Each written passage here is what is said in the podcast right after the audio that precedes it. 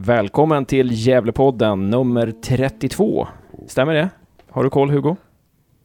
Japp, det är 32. Det är 32? Ja, grymt. Och som ni hör så har vi Hugo Ådvall här som gäst. Och eh, en till är med här. Tjena! Josef. Och sen så jag, Hasse. Eh, Den här gången så sitter jag och Hugo och Josef och tittar på träningen och pratar lite om den.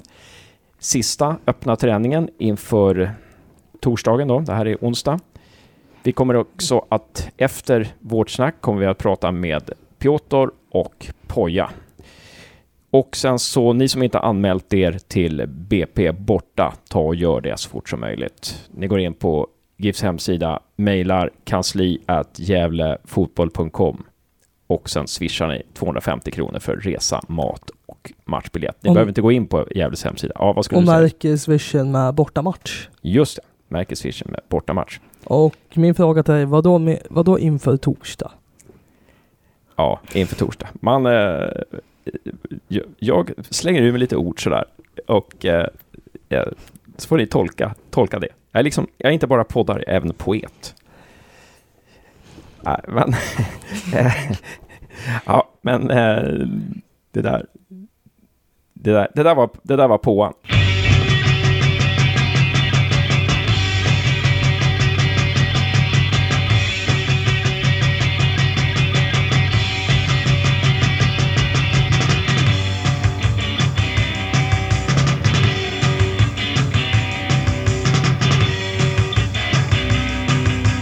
Ja, då sitter vi här. Onsdag. Klockan är 10.52. Visar Gavlevallens klocka.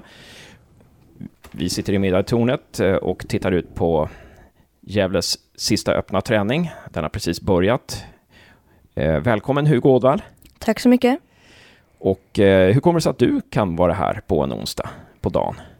För att min morsa gick med på att jag fick åka hit med bussen. Just det. Och så har du höstlov då. Ja, precis. Eh, jättekul att ha det här och eh, jag tycker det är bra att du får vara här så du slipper stå ute och frysa som Ja. spelarna gör det. Kommer det sig att jag kan vara här? Ja, hur kommer det sig att du kan vara här? Jag är arbetslös. Precis. Du hade ett jobb men så började vi podda och sen blev det uppsagt. Ja, det är lite lidande. Ja, skämt åsido. Jag hade varit här ändå. Precis. Ehm, och jag är här för att jag ser till att lägga mina jobbtider så att jag kan podda, eftersom podden är viktigast. Ja, och då sitter vi här och tittar på GIFs-träning. Man har börjat med att eh, ställa sig i en cirkel Och stretcha. och man stretchar lite och det är en, tror jag att det är Johan Holmström som leder den där va? Eller är det någon annan som leder? Eh, Det är ingen ledare just nu Det är faktiskt. ingen ledare, Utan det är att istället för att ta den där i två ledsövningar så tar man det i en cirkel. Vanligtvis så när man springer två led så kan man göra de här övningarna också. Man inte börjar riktigt med stretchingen än. Ja, just det. Man ska sparka bakåt, sparka framåt och lite sånt där. Eh, målvakterna håller på och stretchar och värmer upp på sitt håll och den här gången har vi Mattias Hugosson, August Strömberg, Viktor Frodig och en fjärde målvakt, En tredje målvakt. ja, eller en tredje målvakt som vi inte har kartlagt än. Det är någon junior. Eh, men det kommer vi säkert komma underfund med snart. Ja, eh, det var lite spännande för Hugo, du berättade att du förra veckan var du på U-matchen mot Frej. Och Ja. du, hade några, du hade gjort några noteringar där, bland annat när det gällde Yasin Husni. Vad, vad hade du att säga om honom? Eh, jo, han har ju en, alltså han visade upp att han har en fantastisk teknik. Alltså han dribblade ju bort väldigt många frispelare. Men han kanske inte är den som var mest lagspelare. Det var många gånger han gick själv och några gånger också tappade bollen. Det var någon gång när han kom upp vid mittplan och drog ett väldigt snett långskott som gick flera meter utanför som Jesper Björkman skrek på honom och blev väldigt arg. Hade han kunnat spela i den situationen eller? Ja, det hade han absolut kunnat gjort. Ja. Men eh, ha- han gjorde två mål och var ganska bra. Det var, vad, vad tror du om, eh, om man skulle säga att han påminner om någon i det GIF som, som- ja, i, i startelvan nu då? Vem skulle det vara? Eh, Han är mittfältare va? ja, han spelade centralt där. Mm. Eh, Skulle man kunna säga att han är ganska lik Montiel? Montiel, ja. Han har ganska bra teknik. Så här. Ja, jo, tekniken är de lika, men jag kan tycka att Montiel passar väl kanske lite mer än vad Yasin gjorde. Ja. Lite bättre på att hitta ytor och sådär. Ja. Mm. Nu är Yasin bara 19 år också, så att han har väl några år att utvecklas han också. Precis, precis. Man ska ju ha i åtanke att Montiel är bara 21 eller 22 Ja, jo. också så. Jo, Mm. Ja, men det är spännande. Det är spännande. Han verkar ha gjort ett intryck i alla fall ja, dig där. jo, och så, absolut. så var det både posit- lite positivt och lite negativt.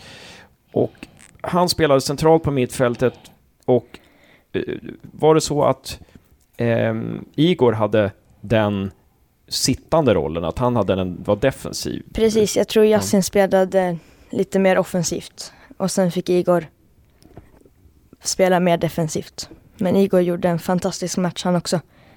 Vad var det som du imponerades över när det gällde Igor? Hans eh, genomskärare i passningar. Eh, det var flera gånger han frispelade hjälte bland annat och sådär. Ja, Med passningar från mittplanen. bra på att se öppningar. Precis. Ja. Bra teknik verkar han ha också. Ja, jo. Eh, hu- Hur är, det med, hur är det med snabbhet och sådär när det gäller Igor och eh, Hosni? Hosni verkar vara ganska snabb. Igor är inte långsam på något sätt alls, men han är inte den snabbaste spelaren heller. Ganska, alltså normalt. Så. Mm. Inte så snabb första meterna kanske. Nej, nej. Och det är ofta där man mäter snabbheten. Där. Mm. Första meterna som ska, vara, som ska utmärka sig liksom. Ehm, ja, eh, och sen så. Det är spännande Ja. med Yasin ändå. Såg han på provträningarna i somras innan han fick kontrakt. Eh, Då var det han och Mattias Sanchez som var här uppe och provtränade och man märkte direkt att Yasin kom in i gruppen på ett mycket bättre sätt. Och sen hade han otrolig vänsterfot. Det var den här vänsterfoten vi hade saknat i och med att vi inte hade någon variation på mittfältet. Då var vi bara hade högerfötter. Och sen tanken var väl att han skulle spela lite mer, men sen kom ju Montiel-lånet. Mm. Mm. Och Kralj va? Ja, men de spelar inte på samma position. Uh, Ja. Jassen är mer given inner, medan Kralj är ytter. Ja. Så att, eh, ja det, vad var det jag skulle komma till? Det är väl att mm, Egentligen är väl Jassen en, lit, en identisk version av Montiel, bara att nu fick de loss Montiel också. Mm. Mm. Och han, har, han är ju en toppspelare i Superettan, vilket han har bevisat i Dalkurd, framförallt förra året. Då han gjorde 3 plus 10 tror jag. Mm. Eh, för det var ju det som var intressant med Yasin Hosni var ju också att man, man var först sa att man var intresserad Ja. av honom och sen så var man inte intresserad av honom och sen värvar, varvar man honom. Har du några tankar omkring det Hugo? Hur, hur, varför det blev så? Nej men de sa ju, alltså det ryktades ju först om han. Och sen när de frågade Poja så sa han ju att han är väl typ en spelare för framtiden eller vad han sa sådär. Men sen så, ja men när han hade sagt det så vet du det, så sålde vi väl Oremo och sådär. Och sen blev man ju klar ganska kort efter det, men jag vet inte. Bredda truppen lite? Precis. Mm. Jag, jag tror att vi inte betalar en krona för han. Utan det var mer att lägga sig i ett förhandlingsläge. Det är en, en klubb som precis har lämnat ur allsvenskan med väldigt bra faciliteter. Och eh, att få höra då att man är bra nog. Men att äh, men vi har inte råd med det just nu i och med att du är ett namn för framtiden. Då blir man nog lite frustrerad som spelare själv att man inte får ta chansen. Så det handlar nog mer om att lägga sig i ett bra förhandlingsläge snarare än om att man inte var jag tror att man alltid varit intresserad av han. Mm. Bara att man lägger sig så att spelaren vill lämna Haninge. Mm. Det är väldigt intressant med a- alla de här spelarna som finns i truppen som inte tillhör A-laget i år. Vi har ju nämnt två då. Igor har, har ju bevisligen spelat. Eh, han spelar väl från start till och med mot Dalkurd? Ja. De tillhör ju A-laget fast de inte är Ja. gjutna i elvan. Precis, som inte har varit bofasta i startelvan. Det är så jag ska uttrycka mig. Eh, men sen har vi ju några som inte har tillhört truppen heller, utan som varit utlånade. Vi har Louis Kangas, vi har Adrian Pelkendal Haranen, vi Mm. har eh, Chuchu Chu- Chakasua, Och sen så har vi ju ja, de här som inte har fått så mycket speltid, alltså, som Jakob Hjälte till exempel. Ehm, och Melvin. Hur, vad tror ni om nästa år? Vilka tror ni, om ni ska få välja liksom någon ranking där, vilka ligger närmast startelvan där av de här som jag räknar upp? Albin. Melvin. Ja, du, före, du tror honom före Igor också? Absolut. Mm. Det är den positionen vi antagligen kommer sakna en spelare på. Och det är en spelare med otroligt mycket fotboll i sig. Och det visade han under Thomas tid att det var en spelare som höll. Det var ju det. Och en försäsong med Poja så kommer han ha utvecklats enormt. Mm. Så han har nog mycket att ge. Du säger Melvin, var, varför tror du det? Ja, intressant Hugo. Han såg jag också på u matchen Då spelade han ju vänster mittfältare. Eh, då, han hade också en fantastisk teknik och så var han ruggigt snabb också. Så jag tror att får han fortsätta utvecklas nu, jag tror att han kommer kunna spela ganska mycket nästa år. Mm. Han har väl också varit med i en sån här U17-landslag eller vad det var också. Mm. Eh, men, Vem, där, vem tror du Hasse? ja, precis. Vem tror jag? Alltså om man ska ta de som ligger närmast så tror jag i Igor då. Att det i och med att han har visat sådana kvaliteter och varit så nära startelvan den här säsongen. Mm. Eh, så tror jag att det, det, han är nog... Men sen så... Sen är det ju spännande och sen, jag hå- håller ju med er att eh, Loic Kangas och Igor kan ju vara... Kan ju vara... Ja, det kan ju vara namn som... Det är ju spännande. Sp- spännande namn. Eh, Loic Kangas och Melvin och Igor. Eh, men men eh, det, det som det är fascinerande, det ska bli intressant att se de här som har varit väldigt långt från startelvan, hur deras försäsong ser ut. Alltså Chucho, Adrian och Hjälte till exempel. Hur, hur, vad händer med dem? Mm. Eh, kan de slå sig in? Vad tror du Hugo där, när det gäller dem? Alltså jag vet inte.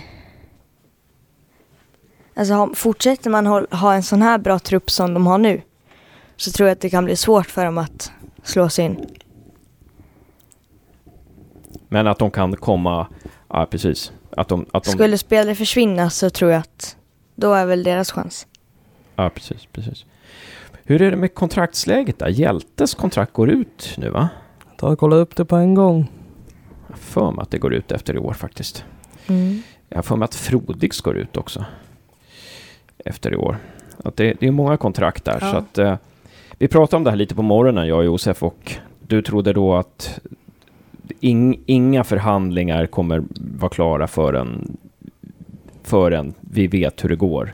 Eh, om det blir kval och om vi stannar, oss kvar, stannar kvar och sådär. Jag tror att vi har hört det i podden av Jag också för mig det. Per. Jag tror Ja, att Per, har sagt det att eh, i och med att man inte vet om det ekonomiska läget inför nästa säsong så är det väldigt svårt att vet, veta vad man kan erbjuda en spelare. Mm. Mm. Eh, Ja, vi får återkomma till det helt enkelt. Då kastar vi oss över Degerfors-matchen. Som där vi, eh, vi spelar bra, men Degerfors är också väldigt bra. Mm. Ett väldigt bra lag vi möter. Och vi tar ledningen i 79 minuten typ och släpper in kvitteringen i kanske 85. Eh, båda lagen har ganska många chanser. Eller Mm. många, men båda lagen har klara chanser. Eh, kanske att våra är lite vassare i och med att vi har Bayram som, som, och Piotr på nära håll som, som eh, kan ha chansen att näta där. Men eh, jag är väldigt imponerad av att Degerfors, som inte har någonting att spela för om man säger så, alltså de kan ju varken eh, gå upp eller ner, gör en så jädrans stabil insats. Vad säger ni om det? Vad säger Hugo? Jo, det håller jag med om. De imponerade så. Men de har ju också, alltså de har ju också klassspelare. Jag menar som den här Spetim Hassani på topp och Sargon Abraham som gjorde mål. Alltså det, de, är- det är bra superettan-spelare så. Mm.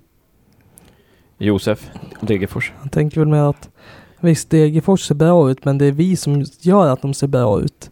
Hade vi gjort en, eh, insats bra över 90 minuter så hade vi vunnit den. Eh, nu ser det ju kanske blir en insats bra över 40-45 totalt sett. Väldigt utspridd eh, uts, utspritt över hela matchen. Eh, det är som att eh, Örgryte hade chans att säkra kontraktet nu mot eh, Helsingborg samma dag. Har jag för mig. Mm. Ja. Och de åker dit med 3-0 och har spelat hur bra som helst nu på slutet. Men det är någonting med de här nerverna att Mm.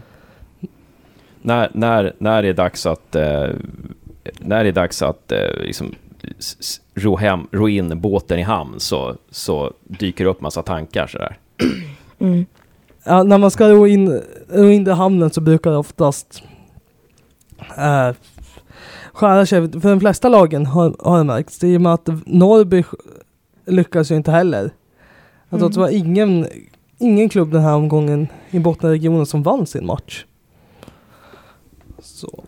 Ja, precis. Så det kanske var det helt enkelt. Och det var ju en, en fråga som vi tänker ställa till Poja. Just det här med att eh, om, det, om resultatet är liksom gynnsamt för oss, om det, vi räcker med oavgjort mot BP, om vi har oavgjort och det är fem minuter kvar eller tio minuter kvar, och, och är det någonting vi kan lära oss av den här Degerfors-matchen när det gäller det mentala, så att det inte händer igen.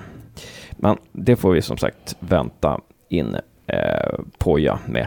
Eh, några särskilda prestationer sådär som ni vill lyfta fram? Josef, några särskilda prestationer som du vill ta fram med matchen? Enskilda spelare eller, spelare eller matchsekvenser som... Äh, Vi imponerades tänk över. på efter utvisningen så kommer Piotr med till rätta. Då det är deras ytterback på Piotrs kant som blir utvisad så känner man att han börjar komma in mer i matchen. Uh, annars prestationen, August gjorde det väldigt bra. Väldigt, väldigt bra. Eh, annars att att man inte blir, att man eh, gör, att man använder ledningsmålet till något positivt istället för att ge ännu mer press. Det hade jag hoppats på. För att Mm. direkt efter 1-0 så såg de mer nervösa ut än någonsin. Ja, precis. Um, Hugo, någon enskild spelare eller prestation som du vill lyfta fram Det? Anton Lantz tycker jag.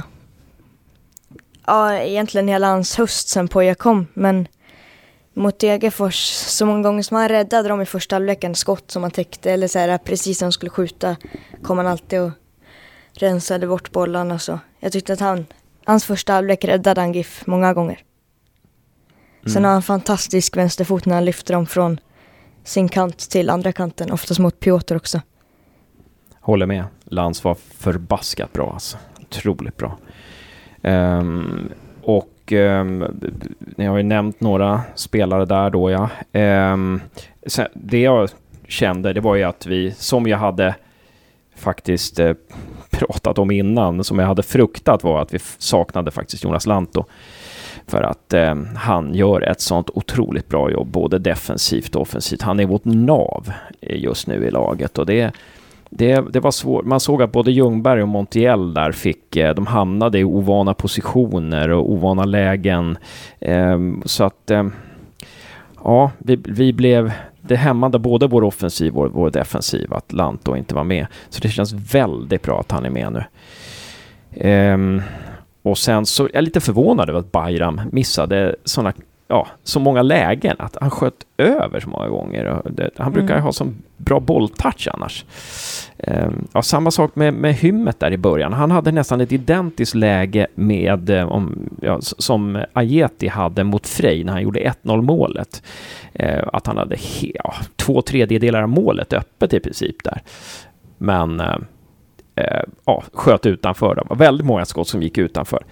Eh, var väl nästan som att hela den här matchen var upplagd för att, ja men, man tänker Degerfors har inget att spela för, vi har allt att spela för. Vi är i jättebra form, såklart vi kommer vinna den här.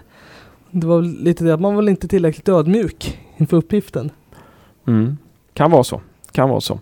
Eller så var man Otroligt spänd. ja, Alltså, otroligt mm. spänd. Ja. För avslappnad eller för spänd. Som du har sagt att när, när man ser otroligt nonchalant ut, det är nog oftast då man är som spändast. Mm, Eller mest nervös. precis. Ehm, ja, men och nu har vi BP borta då på, Mm. på, eh, på lördag. Och på lördag så avgörs allting. Eh, det var någonstans det stod klockan 17, men sen stod jag klockan 16. Hur är det där? Är det klockan 16 eller är det klockan Eh, 17? klockan fyra, klockan Det är- 16 det är alltså. klockan 16, ja. För att alla matcher ska gå samtidigt. Ja, just det. Och vad, vad kan vi...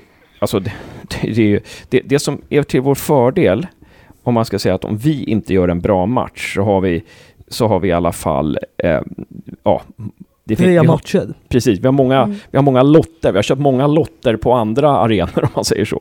Eh, och där har vi ju till exempel, ja, vi har Värnamo Örgryte, där mm. Värnamo är väldigt starka nu. Ja. Örgryte måste ta en poäng. Vi har eh, Guys mot Varberg, där båda lagen är indragna i det här. Mm. Guys måste vinna. Men Varberg är ett av seriens sämsta bortalag. Mm. Precis. Så det kan ställa till det för oss. Mm.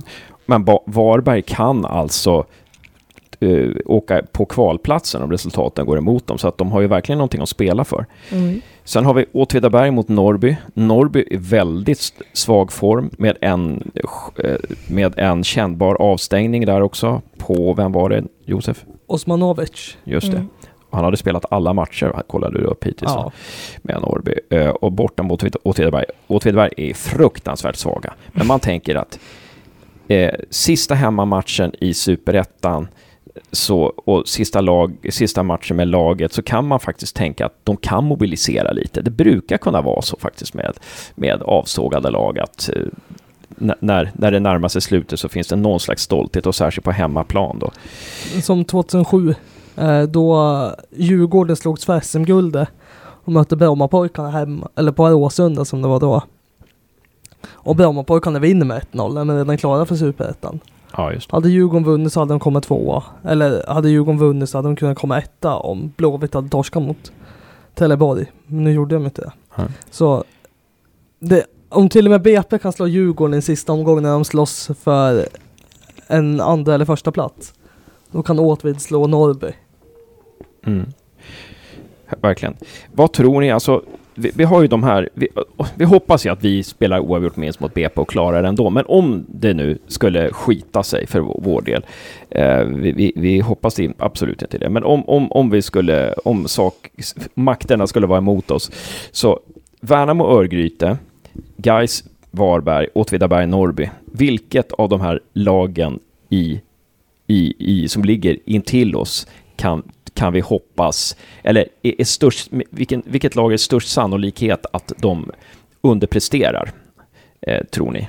Eh, vad tror ni? Av, det är väl störst chans att Värnamo presterar och gör jobbet mot Örgryte. Mm. Det är väl st störst chans, men även så att eh, Gais har, alltså det kommer ju bli en otroligt speciell match mellan Gais och Varberg. Har vi tur så gör Varberg sitt jobb halvt och få med sig ett kryss. Det räcker för oss. Mm.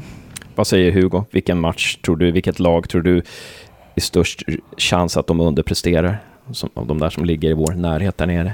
Eh, jag tror som sagt att det blir Örgryte som kan åka på en torsk mot Värnamo. Mm. Ja, precis. Vad tror du alltså? Ja, jag tror ju så här att guys, alltså, de har lite fördel sådär av att de måste vinna de, de måste tuta och köra liksom. Det, det mm. finns inget, alltså det, det, är lite så här ett, ett lag som inte har något att förlora på något vis. Nu går, går vi bara ut och kör. Ungefär, vi ligger under med 1-0, vi, vi, vi, vi går ner på tvåbackslinje och vi bara öser på framåt. Så nu, ös, nu kör vi bara liksom.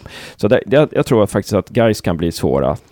Eh, att, att de kan nog vinna den där matchen.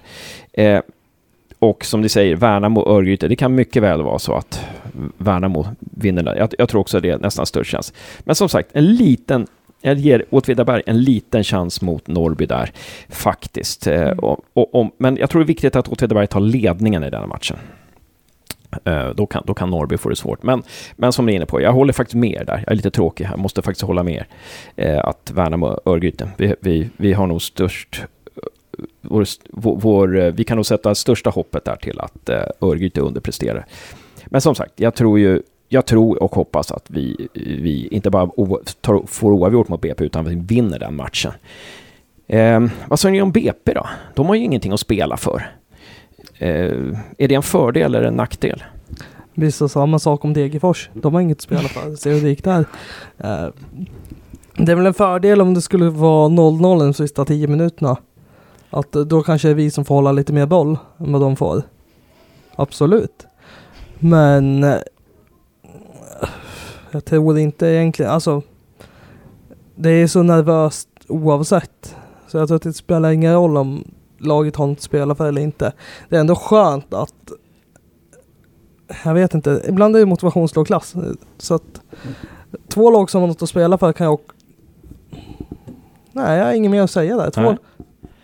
Precis, vi går till Hugo. Vad, vad, tror du? vad tror du om BP där? De är redan klara. Nej men jag håller med Josef lite att alltså skulle det vara lika men inte så lång tid kvar så tror jag inte BP är sådär alltså de kommer inte behöva vilja ha så mycket boll och spela så mycket. Men på ett sätt liksom de har ingenting att spela för. De är redan klara för allsvenskan. Det känns som att de kommer bara kunna spela ut också. Alltså spela sitt bästa på det sättet. Mm. Det, det jag tänker är att om BP åker un, alltså hamnar i underläge med ett par Mm. mål, då kan de tröttna. Eller att de ligger under med 1-0 och, och liksom Gävle spelar otroligt bra att, att vi har mycket medgång och att vi är jäkligt bra. Alltså då, Mm. då, då kan de nog ledsna. Sen så tänker jag så här att Alltså om man ska ta fram, jag säger inte att det blir så, men det kan bli så. Sen säger jag också, sen är det så här att det är sista hemmamatchen för dem. De är klara för allsvenskan. Jag tror det väntar väldigt mycket festligheter Mm. för dem efteråt. Det är massa grejer, det kanske till och med är saker som ska hända innan. Eh, spelare ska få pris och massa sådana här saker. Och sånt kan störa alltså. Och jag, jag gillade in, jag tyckte det var jättebra att Piotr fick välförtjänt eh, pris som MVP. Jag tycker att det var jättebra att vi hyllar Jens och sådär i senaste matchen, men sånt där kan störa Ja. lite alltså. Det, det, jag gillar inte riktigt såna här ceremonier innan och sånt kan det bli lite nu för BP. Jag, Så- tänk, Mm. jag tänker vi är i ett liknande läge just nu som var 2014 mot Helsingborg sista omgången. Ja, Då, visst vi hamnade på kval men vid vinst så var vi klara oavsett. Ja. Och då gjorde Helsingborg 1-0 det tidigt. Då förlitar man sig helt plötsligt på Mjällbyn och jäkligt mycket. Och sen gjorde vi 1-1 där. Och då helt plötsligt så kände inte Helsingborg, Helsingborg för att spela med. ja just det. De tröttnade och bara kände nej, det är ingen mening med det här. Mm. Så att får man göra ett mål på dem bara så kan det räcka med att BP tröttnar. Ja, För det är väldigt svårt att hålla uppe motivationen. Ändå när man inte har något att spela för. Det har man ju också sett GIF 2015. Ja, just Mm. Att hela den hösten, ja, det är alldeles för dåligt försvarsspel men det såg ju väldigt lojt ut när kontraktet i princip var säkrat. Ja, helt sant. Och samtidigt som vi sä- säger det så kommer uh, Montiel fri på vänsterkanten och sätter en högersida, bredsida i mål bakom. Är det Viktor Frodig eller är det August som står där? Men där är ingen av dem. Det är ingen av dem. Det är junioren där. Eh, Mm. Mr X som vi inte har tagit reda på än. WL. Mm, WL. WL. Ja, så ni som lyssnar på det här kan känna er lite smarta och eh, googla juniortruppen så vet ni vem det är som... Det är väl antagligen William eh, som, som står i mål där. Ehm, ja, ska vi säga lite om träningen? Det har, man har värmt upp ganska mycket. Först har man haft peptalk inne på, jag har haft genomgång, eh, antagligen pratat om hur BP spelar, eh, saker som eh, ja, analyserat Degerfors kanske också, presenterat lite tankar från den. Och sen så har man värmt upp med olika övningar och nu spelar man två mål eh, på två olika planer. Eh, ser ni någon skillnad mellan det är på ena planen är det två lag och på den andra är det två andra lag? Är det, är det, är det uh, mittfältare mot försvarare på ena eller hur ser ni något mönster i hur de har delat upp sig? Faktiskt så, tror, eh, så faktiskt så tror jag att det är det som är mönstret. Att offensiva spelare mot defensiva spelare. Ja. Och det verkar inte vara startelva mot icke startelva Nej, utan Det det finns det- ingenting som kan tyda Nej. ut på det här. Alltså att det är väl medvetet om att i och med att de har en sista öppen träning så Mm. har de en träning för att träna lite mer teknik Mm. än att träna spel. Eh, Och därför vet man ska inte kunna utläsa en startelva på det här och det kan man inte heller. Och även om vi hade gjort det så hade vi inte berättat det för er, för att nu gäller det att eh, hålla, hålla masken inför eh, lördag här. Eh, ja, vi, och jag såg ett mål av Ajeti också på den här vänstra planhalvan. Eh, och så. Eh, och är det, är det någon, någon som imponerar? Nej, Nu. Nej. Det är ett fint, fint spel överlag. Ehm, nej, men det, Ja, Mattias Hugosson i mål, han kanske imponerar lite för jag har aldrig sett någon så bra med fötterna som han är just nu. ja, just det. Jag tar tillbaka där han slog ut en boll direkt. Uh, nej, men vi eh, tar nog... Det, det, det, jag tror inte vi kan förmedla den känslan som vi har när vi ser, ser dem. Men vi, det, vi kan säga att det är sol på Gavlevallen och eh, det är ett jädra bra tempo på träningen. Alla ger allt i både försvars och anfallsspel. Eh, och ehm, ja, det ser bra ut. Det ser inte ut som att det, det finns några skador heller. Det är ingen som står och stretchar eller någonting på sidan. Så det, det, peppar peppar, det lovar gott. Nej men då, då hörni, tack så mycket Hugo. Ja, tack för att jag fick vara med igen. Och ha, ha ett fortsatt bra höstlov. Mm. Och jag och Josef, vi återkommer snart med intervjuer av Piotr och Poja då.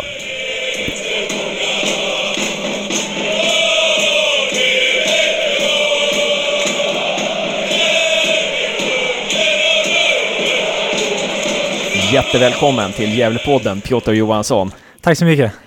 Himla kul att du tar dig tid, trots att liksom en väldigt aktiv träning sådär, så tar du tid här. Eh, kanon. Och vi såg senast i Varberg. Vi kan väl, men vi, vi kan börja med träningen. Hur var den? Nej, det var en rolig träning faktiskt. Det var, mm, det var, det var en rolig träning. Inget taktisk. Eh, vi släppte matchen. Vi sa liksom vi skulle släppa matchen helt idag på lördag då såklart. Eh, bara ha kul, gå ut, spela lite smålag. Vinnaren får något pris och så här. Så att... det var skoj faktiskt. Det var liksom... Många vinnarskallar, många så minnen och så, men det, men det är skoj med sådana träningar. Och sen eh, tillbaka imorgon och full fokus på taktiska inför BP på lördag. Så att... eh, Bra upplägg. Ja, bra. Det var väl något vi alla noterade att du fick till ett otroligt skott.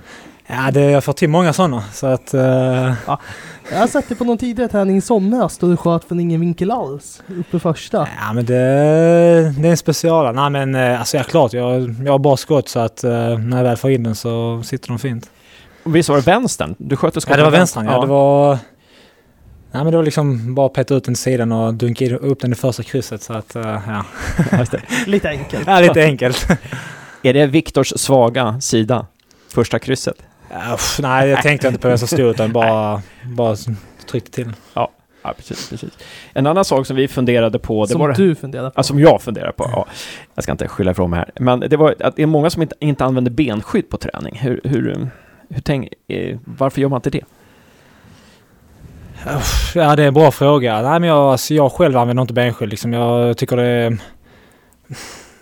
Det är skönare om man säger så här. Liksom, du har inget som stör dig vid benen. Du har inget som åker ner. Du har inget som du behöver rätta till och så här hela tiden. Så att... Ja, det är kanske en vanlig sak. En, ehm, ja, jag jag tycker bara det är skönt. Så att... Ja, jag vet inte vad andra tycker så här, men det är vad jag tycker i alla fall. Men blir det inte, som, då, så kommer man ju på match, och då blir det så här oskönt på match. B- Borde man inte träna? Nej, men det- nej, det är ingen sån. Alltså, Nej, det är ingen det är sån. inget att tänka på då. Okej, okej. Ofta så är det att han noterar sånt här Hasse för att han tycker det är så tufft spel på träningarna. Han är ju så himla rädd om att någon av er kommer till slut gå sönder. Men Är det Alltså, så tufft som... Det, för åskådarens öga ser det väldigt tufft ut, eller håller ni? Ja men såklart, alltså, det är ju bra fart på träningar. Liksom det, på jag har kommit in med fin energi och så här. Så liksom alla vill visa, alla vill uh, ge allt hela tiden. Så att klart det, det blir tufft och hårt spel men jag tycker inte eh, det brukar gå över gränsen och så här. Liksom. Jag, jag tror du mm, har du otur och får en smäll så tror jag, har du benskydd eller inte så blir du väl skadad ändå. Så att Uh, ja, jag är väl inte rätt person att uttala mig om det egentligen men, men ja. Benskydd är lite sådär... Det är li, benskyddens betydelse för att förhindra skador är lite, över, lite övervärderad. Nej, det tycker jag inte, men eh, det, det säger jag inte. Men eh, som sagt, det, det är bara skönt och liksom, eh, som sagt, du bara slipper tänka på det på träningen. Ja, just det. Ja, precis, precis. Eh, och sen så, och grattis till MVP! Tack så jättemycket. Det, det var skitskoj. Jag hade faktiskt ingen aning om det och så här. Och har egentligen inte hört så mycket om det, men det, det var... Nej, men det var, jag tyckte det var, det var stort alltså så. Det var en ära för det som sagt. Jag har hört att det var många bra spelare som fått det genom åren och så här så att... Eh, nej, det är skitskoj. Mm. Och det var... Och när man pratar med alla så alla säger att Fara var välförtjänt och... och eh, men så här, vi, vi funderade, jag och Josef, om du inte hade fått det, Mm. vem hade du velat skulle ha fått det? Liksom, om du fick så här, ge det till någon annan i laget? herregud, ja, det, är- alltså jag tycker... Det är många spelare som jag tycker hade kunnat förtjäna den. Alltså vi har våra målskyttar där uppe som har gjort ett jäkla jobb. Vi har, eh, vi har inomhutfältare som har slitit hela hösten och så här. Så att jag tycker det är, det är svårt för mig att bara liksom att ja men eh, han förtjänade liksom så här. Jag tycker liksom hela laget har eh, gjort en fantastisk höst och liksom utan dem Mm. hade inte jag fått priset heller. Så att eh, det är många som hade kunnat kandidera på det. Mm. Är, är det någon som du tycker sliter lite i skymundan och inte får så mycket uppmärksamhet? Jag kanske skulle säga en spelare som, ehm, som Lanto. Alltså han kanske inte eh, gör alla målen, alla assist och så här, men liksom han, eh, jag tycker han har gjort en uh, riktigt fin höst och liksom uh, spelat upp sig ordentligt. Liksom så här, jag tror att många kanske räknat ut honom så här, men jag tycker han har gjort en riktigt bra, uh, riktigt bra höst och liksom, ja, men jobbar i det tysta lite. Liksom vinner boll, fördelar boll och så här. Och liksom, klart, det är kanske vi som spelar fram som gör mål, som kanske gör de lite finingarna, dribblarna, de fina dribblingarna som liksom får uh, rubriker och så här. Men jag tycker han eh, ska ha det också faktiskt. Ja, vem tycker absolut inte skulle ha fått det?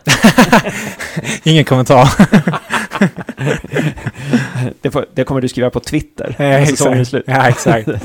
under ditt, under ditt så här, Ja. spökkonto. ja, eh, nej. Men vi, vi går vidare. Um, så senast så pr- pratade vi i Varberg, jag vet inte om du kommer ihåg, ni var lite stressade, ni skulle iväg med bussen direkt, Ja, kommer du ihåg? jag- För det var jag kommer ihåg det, jag ihåg dagen det. efter och du tog dig tid och Ja. det var en jävla skitmatch liksom. Ja, det Att det var- var, och Oromåde sålts precis och hymmet hade gått sönder och ni förlorade med 2-0 och sådär. Men hur har ert spel förändrats sedan den matchen?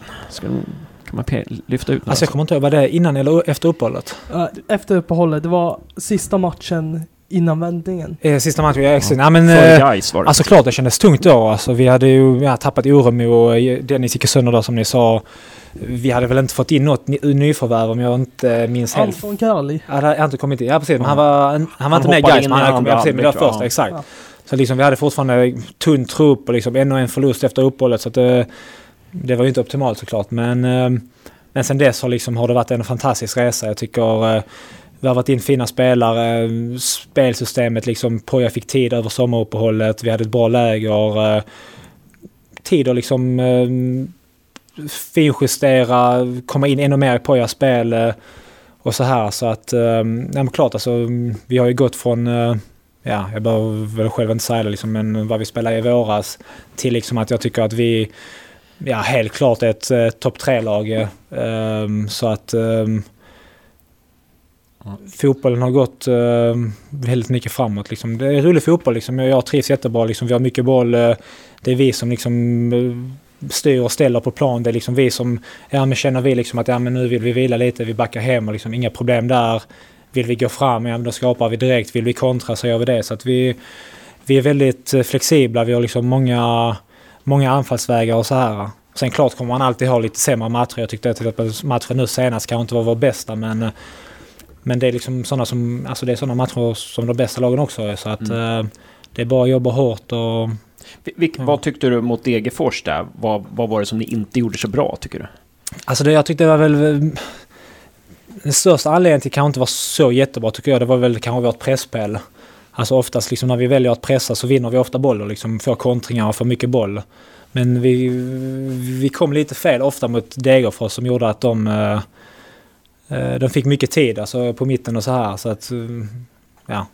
Hade vi Mm. kunnat göra om det så hade vi liksom klart gjort bättre men... eh, Var, Det berodde det- det på Degerfors någonting? Att de alltså, hade klart, gjort alltså, någonting, de, tror de, du? kom, de, de kom ju Ja. ner med många spelare liksom, i uppbyggnaden och så här. Och liksom, vi ja, kanske inte vågar riktigt gå upp eh, och så här. Men, ehm, men alltså klart, alltså, Degerfors är ett bra lag och så här. Så att, ehm, vi klart, vi visste att det inte skulle bli någon lätt match och så här. ju. Mm. Ja, precis, precis. Kan man peka, ta ut några saker så här som att det, det, det har hänt jättemycket efter Varbergsmatchen. Jag har ju lagt till hur många grejer som helst. Men kan man ta ut någon som är extra viktig som Poja har fått er att jobba med som du tycker liksom har förändrat spelet sedan den matchen? Alltså det är väl mest eh, tålamodet, Ja, tycker jag. okej. Liksom, eh, Det tycker jag. Alltså det, innan var det mycket liksom, alltså, så fort vi fick bollen, ja då ville vi fram. Och sen Mm. ja, tappade vi den, ja då blev det Hawaii-fotboll fram och tillbaka. Nu tycker jag vi liksom, vi har absolut ingen stress. Vi liksom, eh, ja, liksom tar det lugnt, bygga upp spelet eller ja, uppbyggnadsspelet bakifrån och så här. Eh, Och liksom själv välja liksom, ja men okej nu känner vi liksom, nu har vi kommit förbi på vänsterkanten, ja men då går vi fram där. Mm. Innan var det ja, mycket fram och tillbaka, fram och tillbaka. Liksom. Jag tycker vi har ba- balanserat det väldigt fint nu och, och gör väl egentligen lite som vi vill nu. Liksom. När vi känner för det så går vi och när vi inte känner för det så backar vi hem. Så att, eh, ja, det, alla, alla är med på tåget och det känns som att eh, alla förstår vad på jag vill. Alla vet som spelar, alla vet som kommer in och som sitter på bänken vet vad som krävs av dem när de kommer in. Så att eh, så det, det, det är lätt att spela. Tålamod helt enkelt. Tålamod. Ja. Jag tänker på det att när du satt där i Varberg och jag kom in i rummet lite Mm. senare och sa att "Nej, nu kan du, nu slipper du det här. Ja. Jag märker skillnad på vilken energi ni har nu. Ni är fortfarande ett väldigt pressat läge men Mm. alltså den här energin från, le, från kansli till spelare.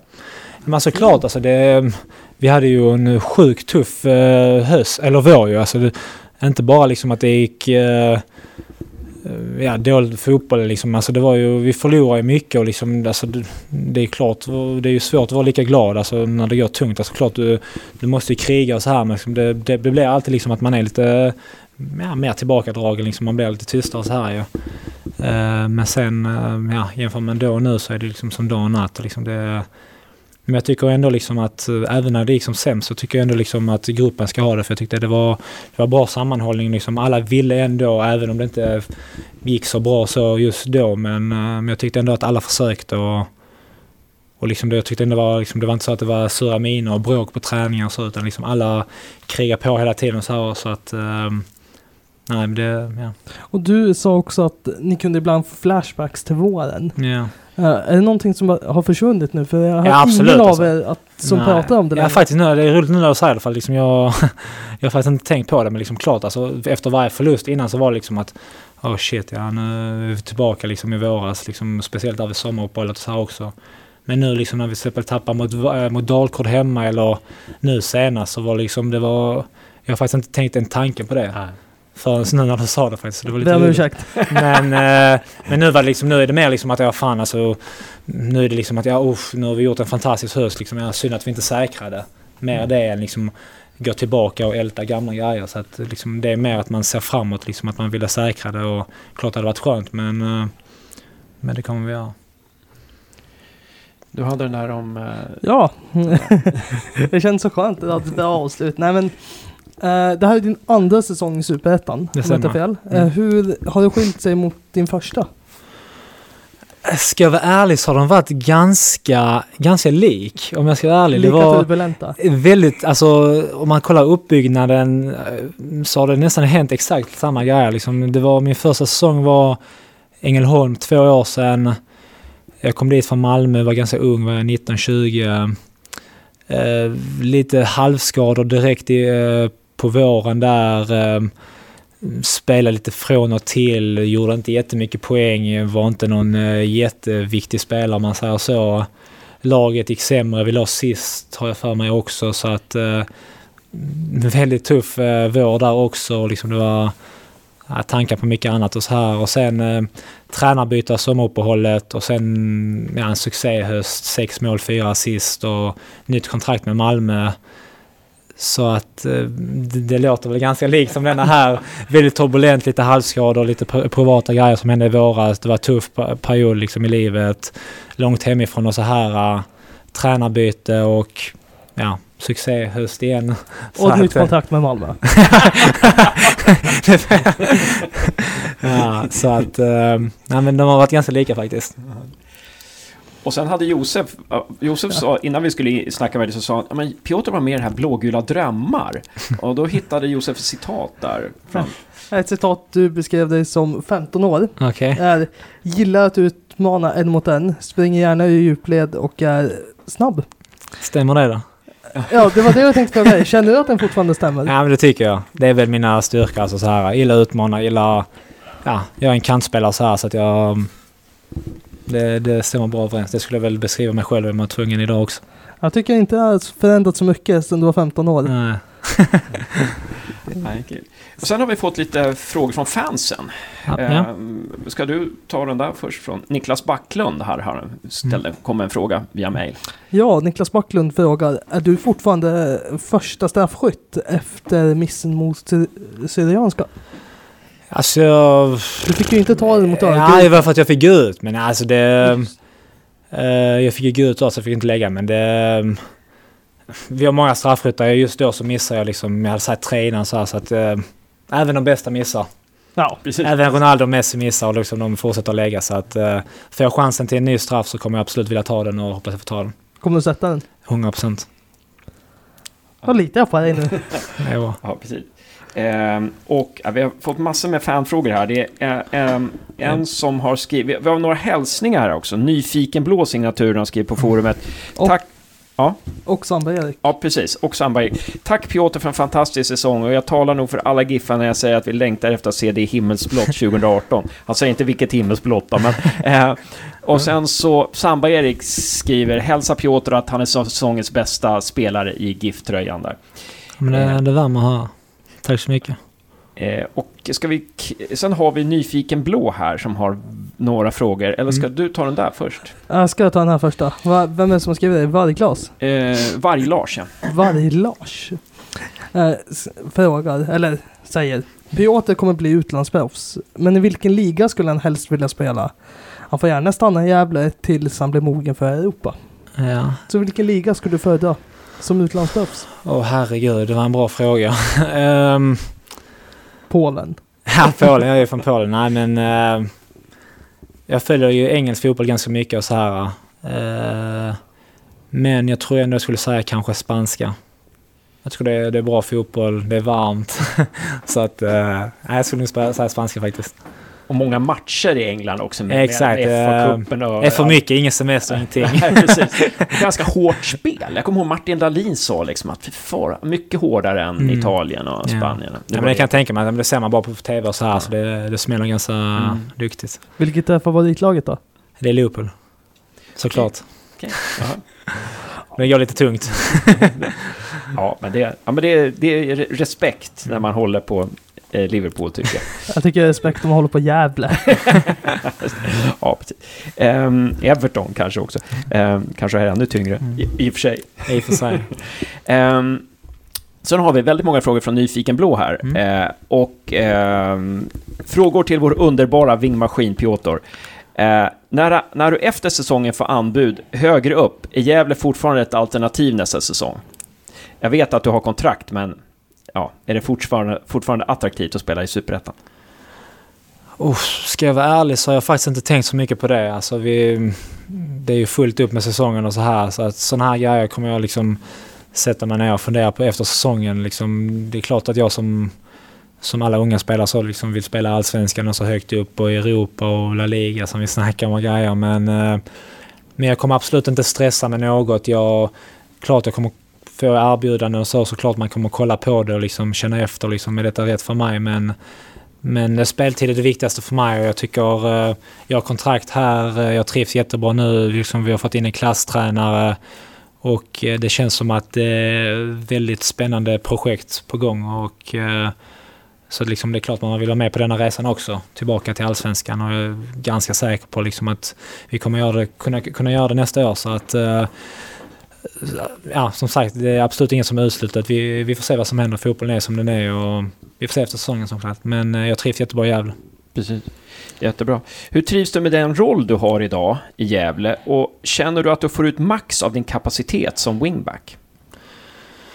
Alltså jag har väl aldrig spelat wingback i hela mitt liv egentligen förrän nu när Poja satt mig där. Men eh, klart, alltså jag är en offensiv spelare, gillar att utmana och så här. Så att eh, jag tycker ja, men det passar mig bra eh, faktiskt. Alltså liksom spelar du på kanten eh, så liksom det blir ofta som att försvararna glömmer dig lite för liksom det är så många andra spelare i mitten och så här så att man kan lite göra lite hur man vill. Lite löpa bakom, eh, komma med fart, utmana och så här så att jag tycker positionen passar mig utmärkt faktiskt. Mm. Kan det bli ibland att du ödsla för mycket energi i defensiven, att du inte får ut din offensiva kapacitet? Eller? Det kanske jag kan köpa ibland faktiskt. Liksom det är klart att wingback, då är det liksom både högerytter och högerback. Så att eh, ibland kanske det kan bli lite mer defensivt och liksom att ja, då får man kan hålla igen lite offensivt. Men, eh, men det är liksom en balanssak och liksom det, som sagt alltså detta är min, liksom, mitt första halvår som wingback och så här, mm. så att det, det, kan bara bli bättre. Om det var bra nu på hösten så vill jag inte tänka vad det kan bli på våren hela nästa år. Så att, uh, ja, jag trivs där faktiskt. Mm. Hur var din första reaktion när du hamnade på wingbacken? Ja, men ja, intressant faktiskt. Alltså, det är inte så olikt från en ytter egentligen som jag spelade innan. Det är mer liksom att det är lite, lite mer defensivt bara. Just att ha titeln back, tänkte jag. Exakt, ja, det, ja men det... Du har, verkar vara en offensiv spelare rakt igenom, ja. så får jag höra att du ska spela back. Ja. Eller en sorts back. Ja, ja men jo men det, jag förstår vad du menar. Ja, men det, det blir en liten omställning såklart. Alltså, liksom ofta när du spelar som högerback, ja, men då har du en spelare till höger om dig som du kan spela upp som en, på en högerytter. Har du, är du, men när jag är som offensiv så har jag ändå alltid en mer höger mittback som blir som en högerback. Så att vi har liksom börjat skifta lite mer nu liksom mellan fyrback och treback och liksom så här så att... Uh, ibland tvåback till och med. Exakt, ibland tvåback. Så liksom det är svårt för läsa mot, för motståndare och uh, det blir svårare för dem att liksom försvara mot mig också som spelar på kanten och så här så att... Ja, som sagt, jag trivs bara där. Just att du glöms bort kanske är en fördel också. Det är en stor fördel faktiskt. Ehm, och sen frågar också Nyfiken Blå, har Poja utvecklat ditt spelsätt på något sätt sen han tog över? Du har ju pratat om att hela laget får mer tålamod, ja. men just ja, men, ditt spelsätt? Skulle jag säga något han utvecklat mig också, då jag skulle säga tålamod igen faktiskt. Alltså innan var jag, jag kommer ihåg när jag kom liksom, det var mycket fram direkt utmana ner på kanten och så här, men jag tycker mitt tålamod, mitt värderingsspel, mitt uh, lugn har blivit mycket bättre faktiskt. Alltså liksom... Nej, men ibland behöver man inte alltid gå fram. Ibland kan man liksom stampa på bollen, vända, ta det lugnt och så här. Så att det är klart, uh, det är en stor grej. Och sen liksom, ja. Sen när du spelar matcher i ett bra lag så liksom utvecklar du allt också. Liksom det, det är klasskvalitet på träningen så, så att jag tycker jag utvecklas lite på någonting varje dag. Mm. Okay. Kul. Uh, är det här hittills din bästa säsong i karriären? Eh, jo, men det skulle jag nog säga ändå. Alltså, mina två enda riktiga säsonger på seniornivå har väl varit alltså Ängelholm och detta här och ja, Ängelholm gjorde jag väl, ja, det blev 10 poäng och nu har jag gjort 14, 15 eller så här. Så att poängmässigt, spelmässigt och så här så att det skulle jag säga att min bästa säsong hittills. Mm. Men visst har du spelat i Skellefteå tidigare? Det har jag inte gjort. Nej. Vi, vi, har, vi, all, vi, har alltid varje avsnitt där vi har felscoutat någonting. så att det, Nej, jag, jag har spelat i... Kom till Malmö när jag var 15, utlånad till Ängelholm för två år sedan. Tillbaka till Malmö, utlånad till Östersund. Ja, Östersund kanske du tänkte på. Östersund ja, och sen nu Gävle. Så. Hur var det i Östersund? Det var bra. Det var... Ja, men det var, det var bra. Det var bra träningsmiljö, det var bra tränare, bra spelare så att det, det, har, det gav mig mycket också faktiskt. Mm.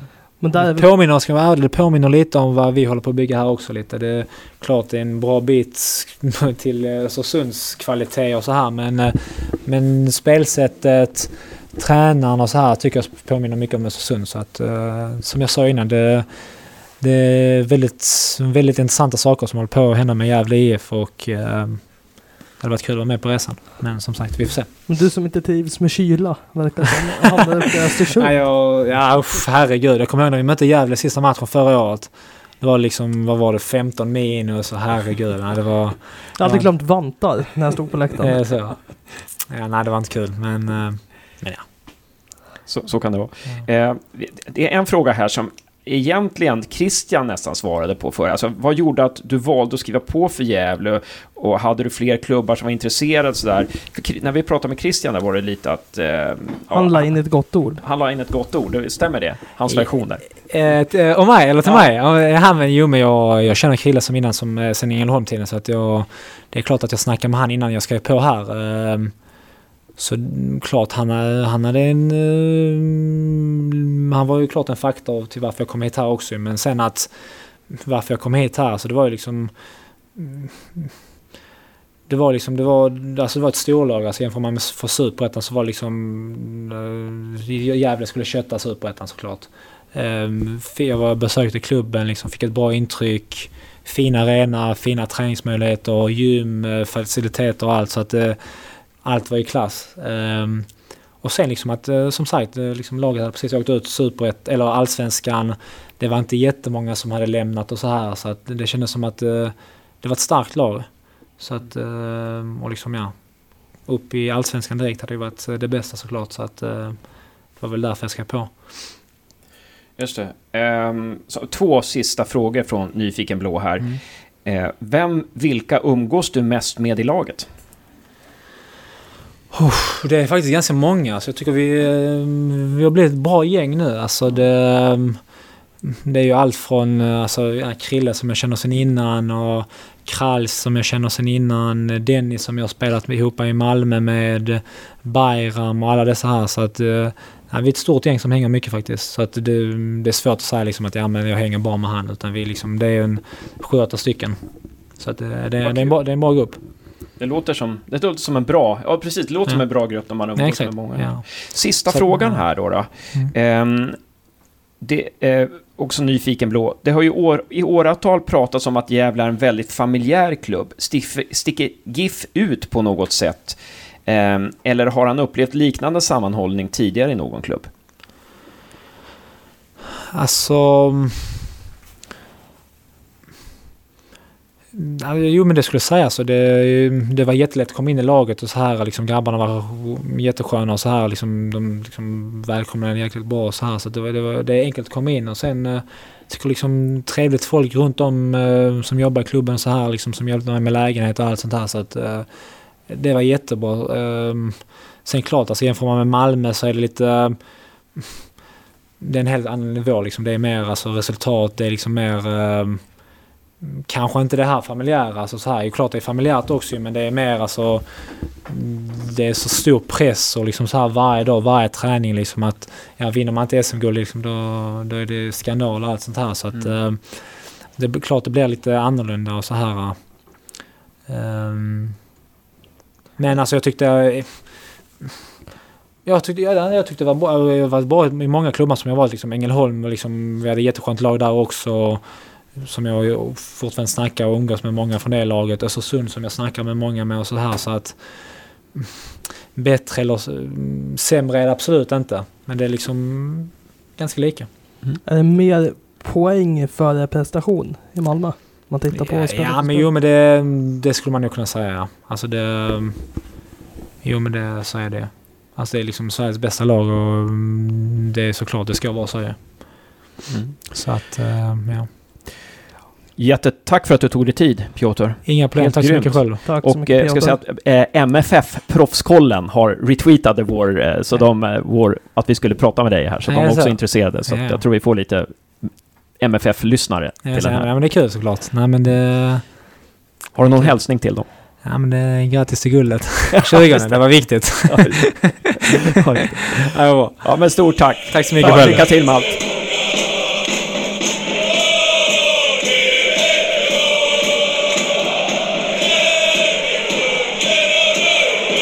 Välkommen Hojas Bagge till Gävlepodden. Tackar. Efter några veckors uppehåll. Ja, som... exakt. Det har varit slarvigt från min sida. Nej, rätt skönt tänkte ja, eller hur? för dig. För, för er. Ja. ja, vi, vi, vi, tänker, vi ska inte trötta ut det. Vi, vi är rädda liksom att du bara en dag säger så här, grabbar, nu, nu får ni klara er. Ja, eller hur? Så att, jag tänkte att vi, vi ska skona dig lite också. Nej, sjukt om det skulle vara så att vi, vi inte gör resultat och så går jag ut och säger att det berodde på Gävlepodden, att de tar för mycket tid. Det var det ni ville undvika liksom. Ja, exakt.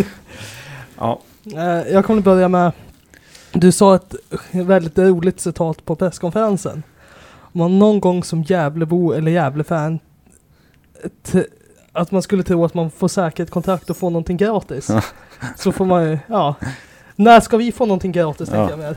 Men aldrig har jag förstått. Jag, ja. menar, jag har inte varit här så länge men jag har ganska snabbt blivit införstådd med att livet som, som Gävle-supporter det, är ingen, det är ingen behaglig resa alltid. Utan eh, utan som jag sa på då, utan man får inte saker gratis och det skulle kännas lite konstigt om vi med en omgång kvar skulle säkra ett kontrakt. Det hade känts lite icke-Gävle lite. Inte i vårt DNA som jag har förstått det. Men kan du bryta vårt DNA på något sätt? Ja, eller hur?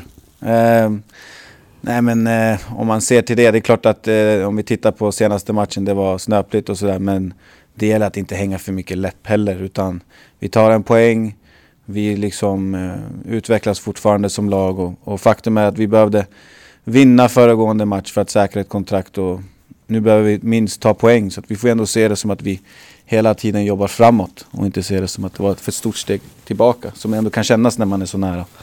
Um, och uh, det är ändå, ni är ju satt i förarsätet. Ni har ju allt i egna händer. Absolut. Så att om man skulle sagt det här vid, ja efter Varberg borta, att mm. I, inför sista omgången, då kommer ni ha allt i egna händer. Då ja. hade man ju man hade väl tvekat lite på det kanske. Jag tror till och med att om någon hade sagt efter Varberg borta att vinn mot BP i sista omgången så får ni kval. Jag tror att ja. rätt så många hade tagit det där och då. Gått ut och firat. Ja, det, men lite så. Ja. Det, det är lätt att man blir bortskämd till och med, eller glömmer det bara några veckor senare. Och sen är man helt uppgiven för att man inte säkrade kontraktet hemma näst sista omgången. Det är någonting vi har tänkt på, att våra ambitionsnivåer har ökat eftersom er ja. prestation. Att helt plötsligt så känner man att kval, det är ett jävla misslyckande. Ja. När man egentligen ska säga att tar ni ett kval så är det mirakel. Mm. Ja, lite så, men så är ju livet som fotbollssupporter också. Man blir ganska snabbt bortskämd och man blir ganska snabbt uppgiven. Och det är svart eller vitt väldigt mycket och väldigt få gånger nyanserat sådär. Theodor Olsson berättade i vår förra avsnitt av podden att eh, Jakob Hjält, när du hade tagit över och det började gå bra efter, efter Gais matchen någonting, att han hade börjat räkna hur många poäng krävs det för att vi ska kvala uppåt. Ja, den hade ju varit sjuk. eh, men om vi går till den här senaste matchen nu då. Eh, eh, vi släpper in ett mål med ungefär fem minuter kvar när vi liksom sitter i förarsätet. Vi har det resultat vi vill ha. Kan man göra någonting för att det inte ska ske igen? Tänk att vi har det resultat vi vill ha mot BP när det är fem minuter kvar. Mm. Kan den här matchen lära oss någonting? Det då? hoppas jag. Jag ja. tror vi alla drar lärdom av alla mål vi släpper in och förhoppningsvis så är det här inget undantag. Det var ju lite för passivt från vår sida. Eh, med, som du säger, bara några minuter kvar och ändå en 1-0-ledning. Klart som fan vi ska skydda ytan framför backlinjen bättre än vad vi gör. Eh, klart som fan vi ska vara lite mer kompakta när inkastet går. Eh, och sen blir vi ju hårt straffade för att vi inte är det såklart. Men vi måste ändå rannsaka oss själva och veta att såklart vi kunde gjort lite bättre. Och vi har ändå visat alla andra gånger när vi får någon käftsmäll eller när någonting oönskat händer att vi lär oss av det och jag har svårt att se att vi inte skulle lära oss av det till nästa match redan. Mm. Känslan var efter utvisningen att eh, då kommer ni in i mer match för att börja föra lite mer. Mm. Sen gör ni 1-0 och efter det känns det som att målet inte hade någon positiv effekt mm. utan ni blev ännu mer nervösa mm. än att det blev förlösande. Mm. Mm. Eh, hur hade man kunnat gjort eh, så att det blev förlösande istället för? Uh, bra fråga. Jag tror uh, det har ju varit en väldigt lång säsong. Jag tror att du kan vara inne på det. Den mentala aspekten att att det har varit en utopi många gånger att säkra ett kontrakt. Och sen så gör vi väldigt många saker bra senare tiden och så hamnar vi i ett läge där vi helt plötsligt gör mål och sen är vi bara liksom allt som vi har kämpat för som inte har funnits. Det vill säga vi, det vi måste ta. Helt plötsligt har vi det. Liksom. Varsågoda, här har ni biljetten. Jag tror att det kan spelas in i huvudet på, hos folk. Um, och det, ja, det är klart, det blir liksom så här. Nu har vi helt plötsligt allt att förlora i några minuter. Mm. Um, sen tycker jag att vi ändå, vi ändå hyfsade. Jag menar, vi är ganska nära att göra 2-0 till och med kort efter. Um, men det är klart att i det skeld, liksom isolerade momentet när vi släpper in målet, det är inte tillräckligt bra. Nej. Och det, det, det beror väl på antagligen att man tänker fel, att det är någonting, en kollektiv mental grej, att man tänker fel och gör fel, eller?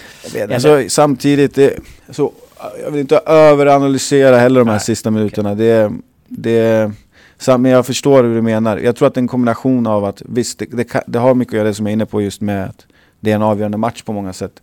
Sen också det faktum att så här, det står 0-0, vi har en man mer och vi kör och sen gör vi 1-0. Och väldigt många lag som, som eh, har en man mer och gör 1-0, jag tror de tappar någon växel sådär. Mm. Eh, att man blir lite bekväm.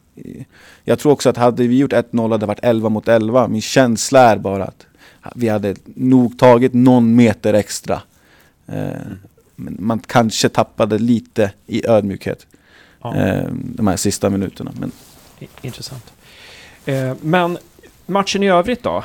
Vad, vad, vad är du nöjd med? Vad är du lite mindre nöjd med? Men det är många saker som är bra i den här matchen. Man ska veta att det är två lag som, som spelar väldigt lika. Sett, sett till formation, sett till spelidé. Vi kanske varierar till och med lite mer än vad de gör. De är också väldigt spelskickliga.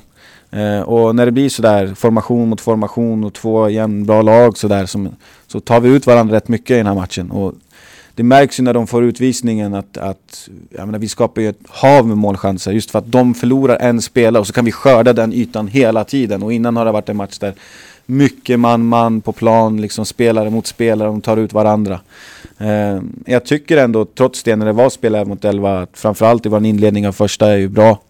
Eh, och vi skapar en, eh, en del målchanser. Vårt försvarsspel överlag är helt okej. Okay. Det kan fortfarande bli lite bättre.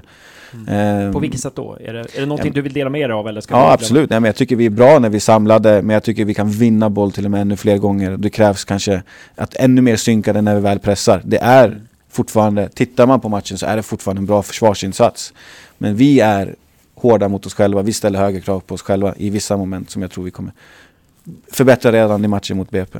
Piotr sa också det att uh, han var nöjd med mycket med pressspelet, tyckte han kunde förbättras mm. också.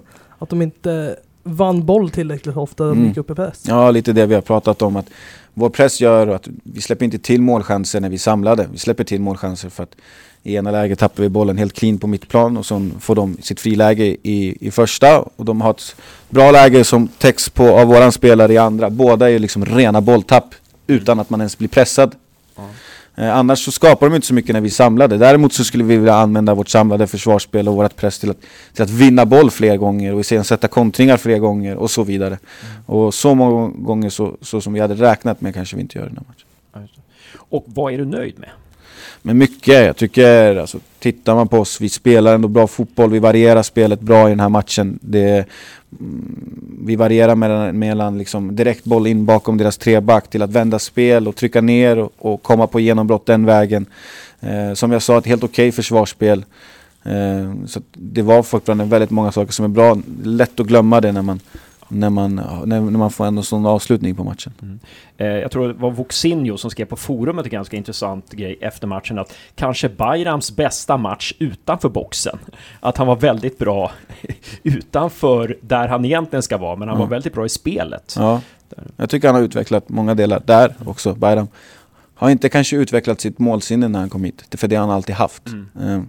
Däremot så tycker jag att han visar i, matcher att han också med laget utvecklar andra sidor i sitt felvända spel. Inte alltid att ta ner bollen, för det är han exceptionellt bra på, men vad som händer efter det. Eh, liksom bolltempo, tanken blir bättre, hans pressspel blir bättre. Så mm, jag håller med om det, absolut. Sen kanske var lite obajran däremot att missa det avslutet. Ja, precis. Vi hade två väldigt lägen väldigt nära mål där. Precis, precis. Um, men, och sen så funderade jag och Josef också det här med Lanto då, var ju borta där. Um, hur tycker du funkar utan Lanto, lösningen som blev nu? Tycker det funkar bra ändå. Christian och Diego som får dela på det ansvaret. Och med boll tycker jag att vi fortfarande är bra och jobbiga och svåra att få tag på. Vi varierar spelet med, med dem bra. Um, sen är det ju klart, och det sa jag innan matchen också, att vi får räkna med att när det kommer till balansen så blir det ju lite säkrare med Lanto som har koll mm, och som är en väldigt bra länk mellan, mellan liksom mittfält, forward och sen till backlinjen. Hur han får ihop den. Och tittar man på sista målet, ja såklart att det är liksom Lantos yta där han brukar vara. Eh, men jag tycker överlag förutom det så gör vi det bra. Det är lite att man får hålla, att eh, Diego och eh, Christian får hålla tillbaka på sina offensiva kvaliteter. Ja, lite så. Och när de måste dela på. Precis. Och Christian gör ju ett stort jobb i den här matchen och vet att han får mer defensivt ansvar. Och han gör ju det bra i den här matchen och lite som du säger, det kanske gör att han inte får ut lika mycket av sitt offensiva spel sista tredjedelen. Skulle mm. man kanske tänkt annorlunda där och använt kanske Igor som en balansspelare eller någon annan som är renodlad balans? Ja, det, hade, det, det, var, det var så en tanke. Varför vi valde så här, det var för att vi ville på något sätt utan att rubba våran formation eller någonting få in de mest formstarka spelarna. Och, och vi kände att de elva vi ställde upp med från start var de som vi kände har visat mest och som är mest i form. Mm. Um, så det var lite det som var tanken och det är ingenting vi faktiskt ångrar nu i efterhand heller. Det var min känsla också att eh, jag och Hasse diskuterade startelvan innan. Och jag trodde på den startelvan som du ställde upp med. Ja, det var starkt. Eh, jag fick känslan av att vi kommer se ett offensivare Gävle nu. I och med att vi får både in Christian, Diego och ja, på in mitt. Så nu får man ännu mer offensivt än Mm. att man har en balansspelare. Däremot så känslan av att man tappar det här just att när man tappar balansrollen så fick man inte det här offensiva Nej. i Gävle för då Nej, var, man, var någon annan tvungen att göra det. Ja men lite så och det är, det är en bra poäng. Vår tanke var inte att med den här elvan, nu kommer vi vinna med 4-2 istället för 1-0. Det var inte den korrigeringen. Vi kände inte att vi var så mycket mer offensivt balanserade. För att man får ju också nya roller kanske. Om Lanto inte är med så får Christian en annan roll och det kompenseras den vägen. Däremot så det du är inne på, och det är lätt att glömma, många gånger så tror man att det mest offensiva vapnet är att ta in en forward, Mm. ut med en back eller Mm. och många gånger, bara för att relatera till det du säger, så kan det till och med vara mer offensivt att ta in en, en i underläge, ta in en, en defensiv mittfältare på bekostnad av egentligen mer offensiv präglad typ. Varför? Det låter ju konstigt. Jo, för att du vinner mer boll kanske. Du, eh, du stoppar motståndarnas eventuella kontringar betydligt tidigare, vilket gör att du får längre sekvenser med anfall. Eh, och eh, det, för att svara på din fråga, lite så kanske med Lanto. Han är ju den spelartypen, han är inte den som alltid kommer ta den, dribbla tre man, göra mål eller vara högst upp. Men hans närvaro på plan kan ibland göra att vi vinner tillbaka boll tidigare lägen. För att balansen stämmer. Och på det sättet kan du bli mer offensiv som lag till och med. Mm. Intressant. Eh, vi ska ta frågor från fansen snart då. Eh, Josef hade ganska många där som man skulle läsa från en och jag hade en. Men eh, hade Ja, du? Ja. Jag sitter och tänker på det här med att ett, det offensivaste bytet inte alltid är att ta back mot forward. Mm. Och det bevisar ju rätt ofta att du oftast tar back mot ytter. Ja. Varför väljer du alltid att göra den här back mot ytter? Eh, nu, sen, sen så ska man komma ihåg. Sen finns det ju också byten såklart där du byter rakt av en back mot och det är mer offensivt. Så att, det är inte så att det inte blir så. Men jag säger bara att många gånger luras man av att man tror att det måste alltid komma in, komma in en mer offensiv präglad spelartyp för att det ska bli mer offensivt. Det är det jag menar, att så är det inte alltid. Sen väljer vi, vi många gånger att göra det bytet och det är ju mer för att spela med, alltså få fler spelare på vissa offensiva positioner högt upp i banan på bekostnad av en back från trebacken. Eh, eh, och till exempel då med bytet eh, Florén-Goti är ju ett sånt. Där eh, Piotr egentligen då tar ett steg ner i banan. Eh, och då blir det egentligen att vi byter en, en försvarsspelare mot en mer offensiv mittfältare. Ja, precis, precis. Ehm, ja, det, för det, det är ju ett sånt där byte som man kan... Jag vet inte om du tänkte på det i efterhand att kanske inte skulle ha gjort det där bytet. Eller? Fast, alltså, nu ska jag inte säga att bytet var anledningen till varför vi gör mål. Vi gör ju ändå mål bara några minuter efter det bytet. precis, jag menar det. Så ja, att, precis, det är ehm, det över. Ja. Det vet det fan. Nej, Facit han tar en väl ut varandra. Gör Kanske. ett mål och släpper in mål. ja, lite så. Och en poäng är ganska viktig, trots allt. Otroligt. Trots allt är den där poängen viktig. Även Man vet aldrig exakt Nej. hur viktig den där kan Nej, bli. precis, och det precis. gäller att komma ihåg att vi tog en poäng och det är lätt att känna att vi förlorar matchen. Det gör vi ju inte. Och nu har vi tagit poäng mot alla lag utom Dalkurd och BP. Ja, exakt. Eh, att, eh, men, men om vi ska se fram emot BP då, innan vi tar fanfrågorna. Eh, vad, ja, alltså hur, hur, på vilket sätt blir BP annorlunda än Degerfors, tror du? Det är ett bättre lag. Mm. Degerfors var bra, men B- BP har varit bäst i år. Vilket tabellen visar. Ehm, och det är såklart en tuff utmaning. Sen tycker jag att vi ändå visat nu på hösten att vi kan mäta oss med de allra bästa. Och, och eh, ska känna oss... Vi, ska, vi har ju inga andra tankar att vi ska avgöra det här själva. Och vi lämnar liksom ingenting i något, någon annans händer. Och vi ska känna så. Vi har inte förlorat en bortamatch på hela hösten. Eh, vi är ett av seriens absolut bästa lag just nu. Så vi har ingenting att liksom be om ursäkt för när vi åker ner till Stockholm. Däremot möter vi ett lag som jag sa var bra, är bra. Och som likt oss skulle jag vilja säga är, är de mest flexibla lagen i serien. Eh, BP och Gävle tycker jag påminner ganska mycket om varandra. Båda utgår från spelet längs marken eh, men har liksom fler strängar. Eh, BP varierar sitt spel ganska mycket också. Precis som vi gör. De varierar spelare i uppbyggnaden precis som vi gör. Ehm, så att jag skulle vilja säga att det är mer likheter mellan dagens Gävle och dagens BP än vad det är olikheter.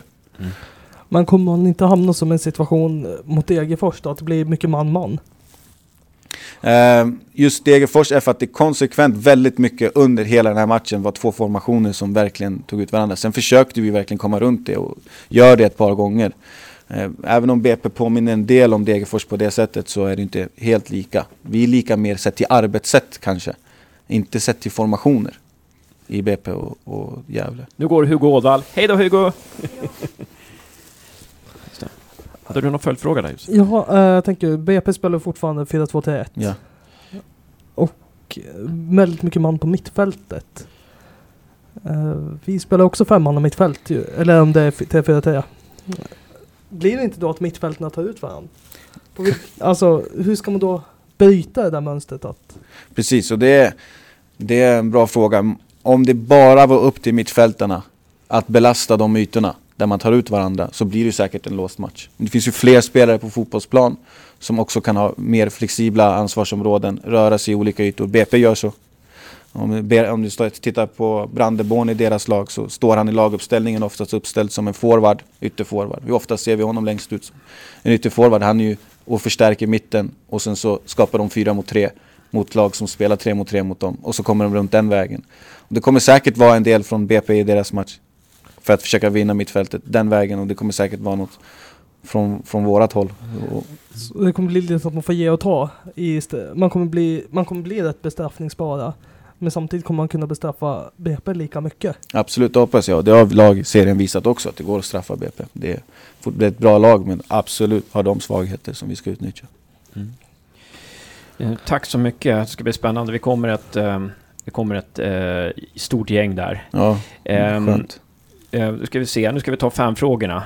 Eh, och då, om jag ska börja med den här då, från Blue in Heart and Mind kanske. Ehm, så, eller ska, jag hade några på papper i och för sig där. Eh, ja, vi struntar i det. Vi- tar Blue in Heart and Mind tar jag och så tar du Nyfiken Blå där då. Eh, han skriver så här, eller hon. Eh, ville bara hälsa Poja att han är en riktig klippa. Vältalig, insiktsfull ledargestalt ledargestalt. Duktig på det noggranna sättet med härligt sätt att leda laget tekniskt, organisatoriskt och kunnigt. Är så nöjd efter så många år att ha lidit med mitt lag på det tråkiga sättet att spela. Äntligen får, får jag, jag njuta både av fantastiskt spel och framgångar. Frågan är då, vad vill du ska ske 2018 i Gävle? In Poja We Trust. Ja, jag får väl tacka för de fina orden och säga att först och främst hoppas jag att vi spelar i Superettan 2018. Det är liksom första tanken och det är klart att vi har planerat för scenarion båda sådär men för mig just nu så är det ingen annan tanke än BP nästa. Sen bara för att svara kort på frågan, det är klart att våran målsättning som klubb är att hela tiden ta steg framåt. Precis, precis. Ja, och Nyfiken Blå säger också Tack Poja för att du har räddat vår klubb. Och eh, för att du vågat köra med din spelare fullt ut. Hörde jag en namninsamling till en Poja-staty utanför Gavlevallen. Och han, det är hans berömmande ord till dig. Tackar. Sen frågar han också, han också ett par frågor. Där kommer man aktivt börja bjuda in provspelare redan efter BP-matchen? Ja. Eh, finns det någon som har betytt extra mycket för hans utveckling som tränare? Oj, det är en intressant fråga. Ja, det var en bra fråga. Nej, det är lite olika. Jag, jag har inte en person som jag ska tacka allt. Jag har en kombination av flera personer och sen har jag liksom mig själv faktiskt att tacka väldigt mycket för, för att man själv utvecklas och den tiden man själv lägger ner på att utvecklas. Sen har jag fått mycket hjälp. Om inte Andreas Brännström hade upptäckt mig i division 3 eh, och gett mig chansen i division 1 så så vet jag inte liksom hur utvecklingen hade gått, om den hade gått lika snabbt och så vidare. Och, så det är jag tacksam för. Eh, och jag är tacksam för Dalkurd, till Dalkurd som trots att jag var 30 år gav mig chansen som huvudtränare på elitnivå. Det är inte alla klubbar som gör det. Eh, Gävle gjorde det i somras. Eh, då är, var jag redan prövad i Superettan. Man ska komma ihåg det att jag var väldigt oprövad och ändå så gav Dalkurd mig chansen. Så som klubb också är jag tacksam till dem. Jag är tacksam till en sån som på förbundet via utbildningarna som jag har gått. De mentorerna som har funnits där och det stödet som har funnits där under alla år som har hjälpt mig. Ramin Kiani är en person på förbundet som har varit med mig hela vägen. Eh, och han har utvecklat mig i mitt ledarskap till exempel väldigt mycket. Inom, inom den området så har jag fått väldigt mycket feedback inom alla år. Och han har hjälpt mig extremt mycket. Han ringer mig än idag efter varje match och pratar med mig. Och det säger något om, om också, jag menar det får inte han betalt för. Så att ringa mig hela tiden. Han kan ju strunta i det. Och han gör det ändå. Och, så är jag extremt tacksam till honom också. Så att det är liksom en kombination av väldigt många olika personer på olika platser vid olika tillfällen. Ja, och så finns det väl antagligen de som har betytt mycket genom att ha varit tränare för något obskyrt lag som du har sett någon gång eller någonting du har läst och lite sånt- Absolut. sådär. Ja, mina förebilder och det- sådär är ju- ja. Exakt, absolut. Ta nästa fråga. på en gång. Hur pass involverad tillåts du vara i spelarrekryteringar framöver? framöver? Ja, kan stanna där. Ja. Ja, men väldigt involverad. Och det har jag känt att jag får vara sedan dag ett när jag kom hit. Så vi är ju en sportkommitté och vi diskuterar alla saker tillsammans. Men det är klart att jag känner mig väldigt delaktig där. Och sedd och hörd. Och vad ser du för utvecklingspotential här i Gävle? Nej men det är inom allt. Att vi som klubb, eh, organisation och som A-lag hela tiden kan bli bättre. Och, jag, menar, jag är jätteglad över utvecklingen som A-laget har haft de senaste månaderna. Eh, Det har verkligen gått framåt och vi spelar bra fotboll och inom vissa delar så till och med eh, överraskar spelarna på mig och hur snabbt de, de lär sig vissa saker, hur snabbt vi går fram. Eh, Sen är det fortfarande så att jag själv har ju ändå en bild av, av, av hela tiden vad som är nästa steg och vad, vad som kan bli bättre. Och även om vi har sett mycket som har varit bra under hösten så fan, jag skulle ingenting annat heller än att hålla oss kvar och fortsätta bygga på det. För att vi kan bli ännu bättre. Vår tycker folk att vi spelar underhållande och bra fotboll så kan vi spela ännu mer underhållande och bra fotboll. Det finns delar som vi inte ens börjat prata om än som, som eh, vi skulle kunna bli liksom riktigt bra på. Så att, Tack. Jag inte, ja, ja, det var fina slutord, men nu kommer Josef med en till fråga. ja, det har, med provspelare jag har. Är det någon provspelare ni har gjort klart med redan?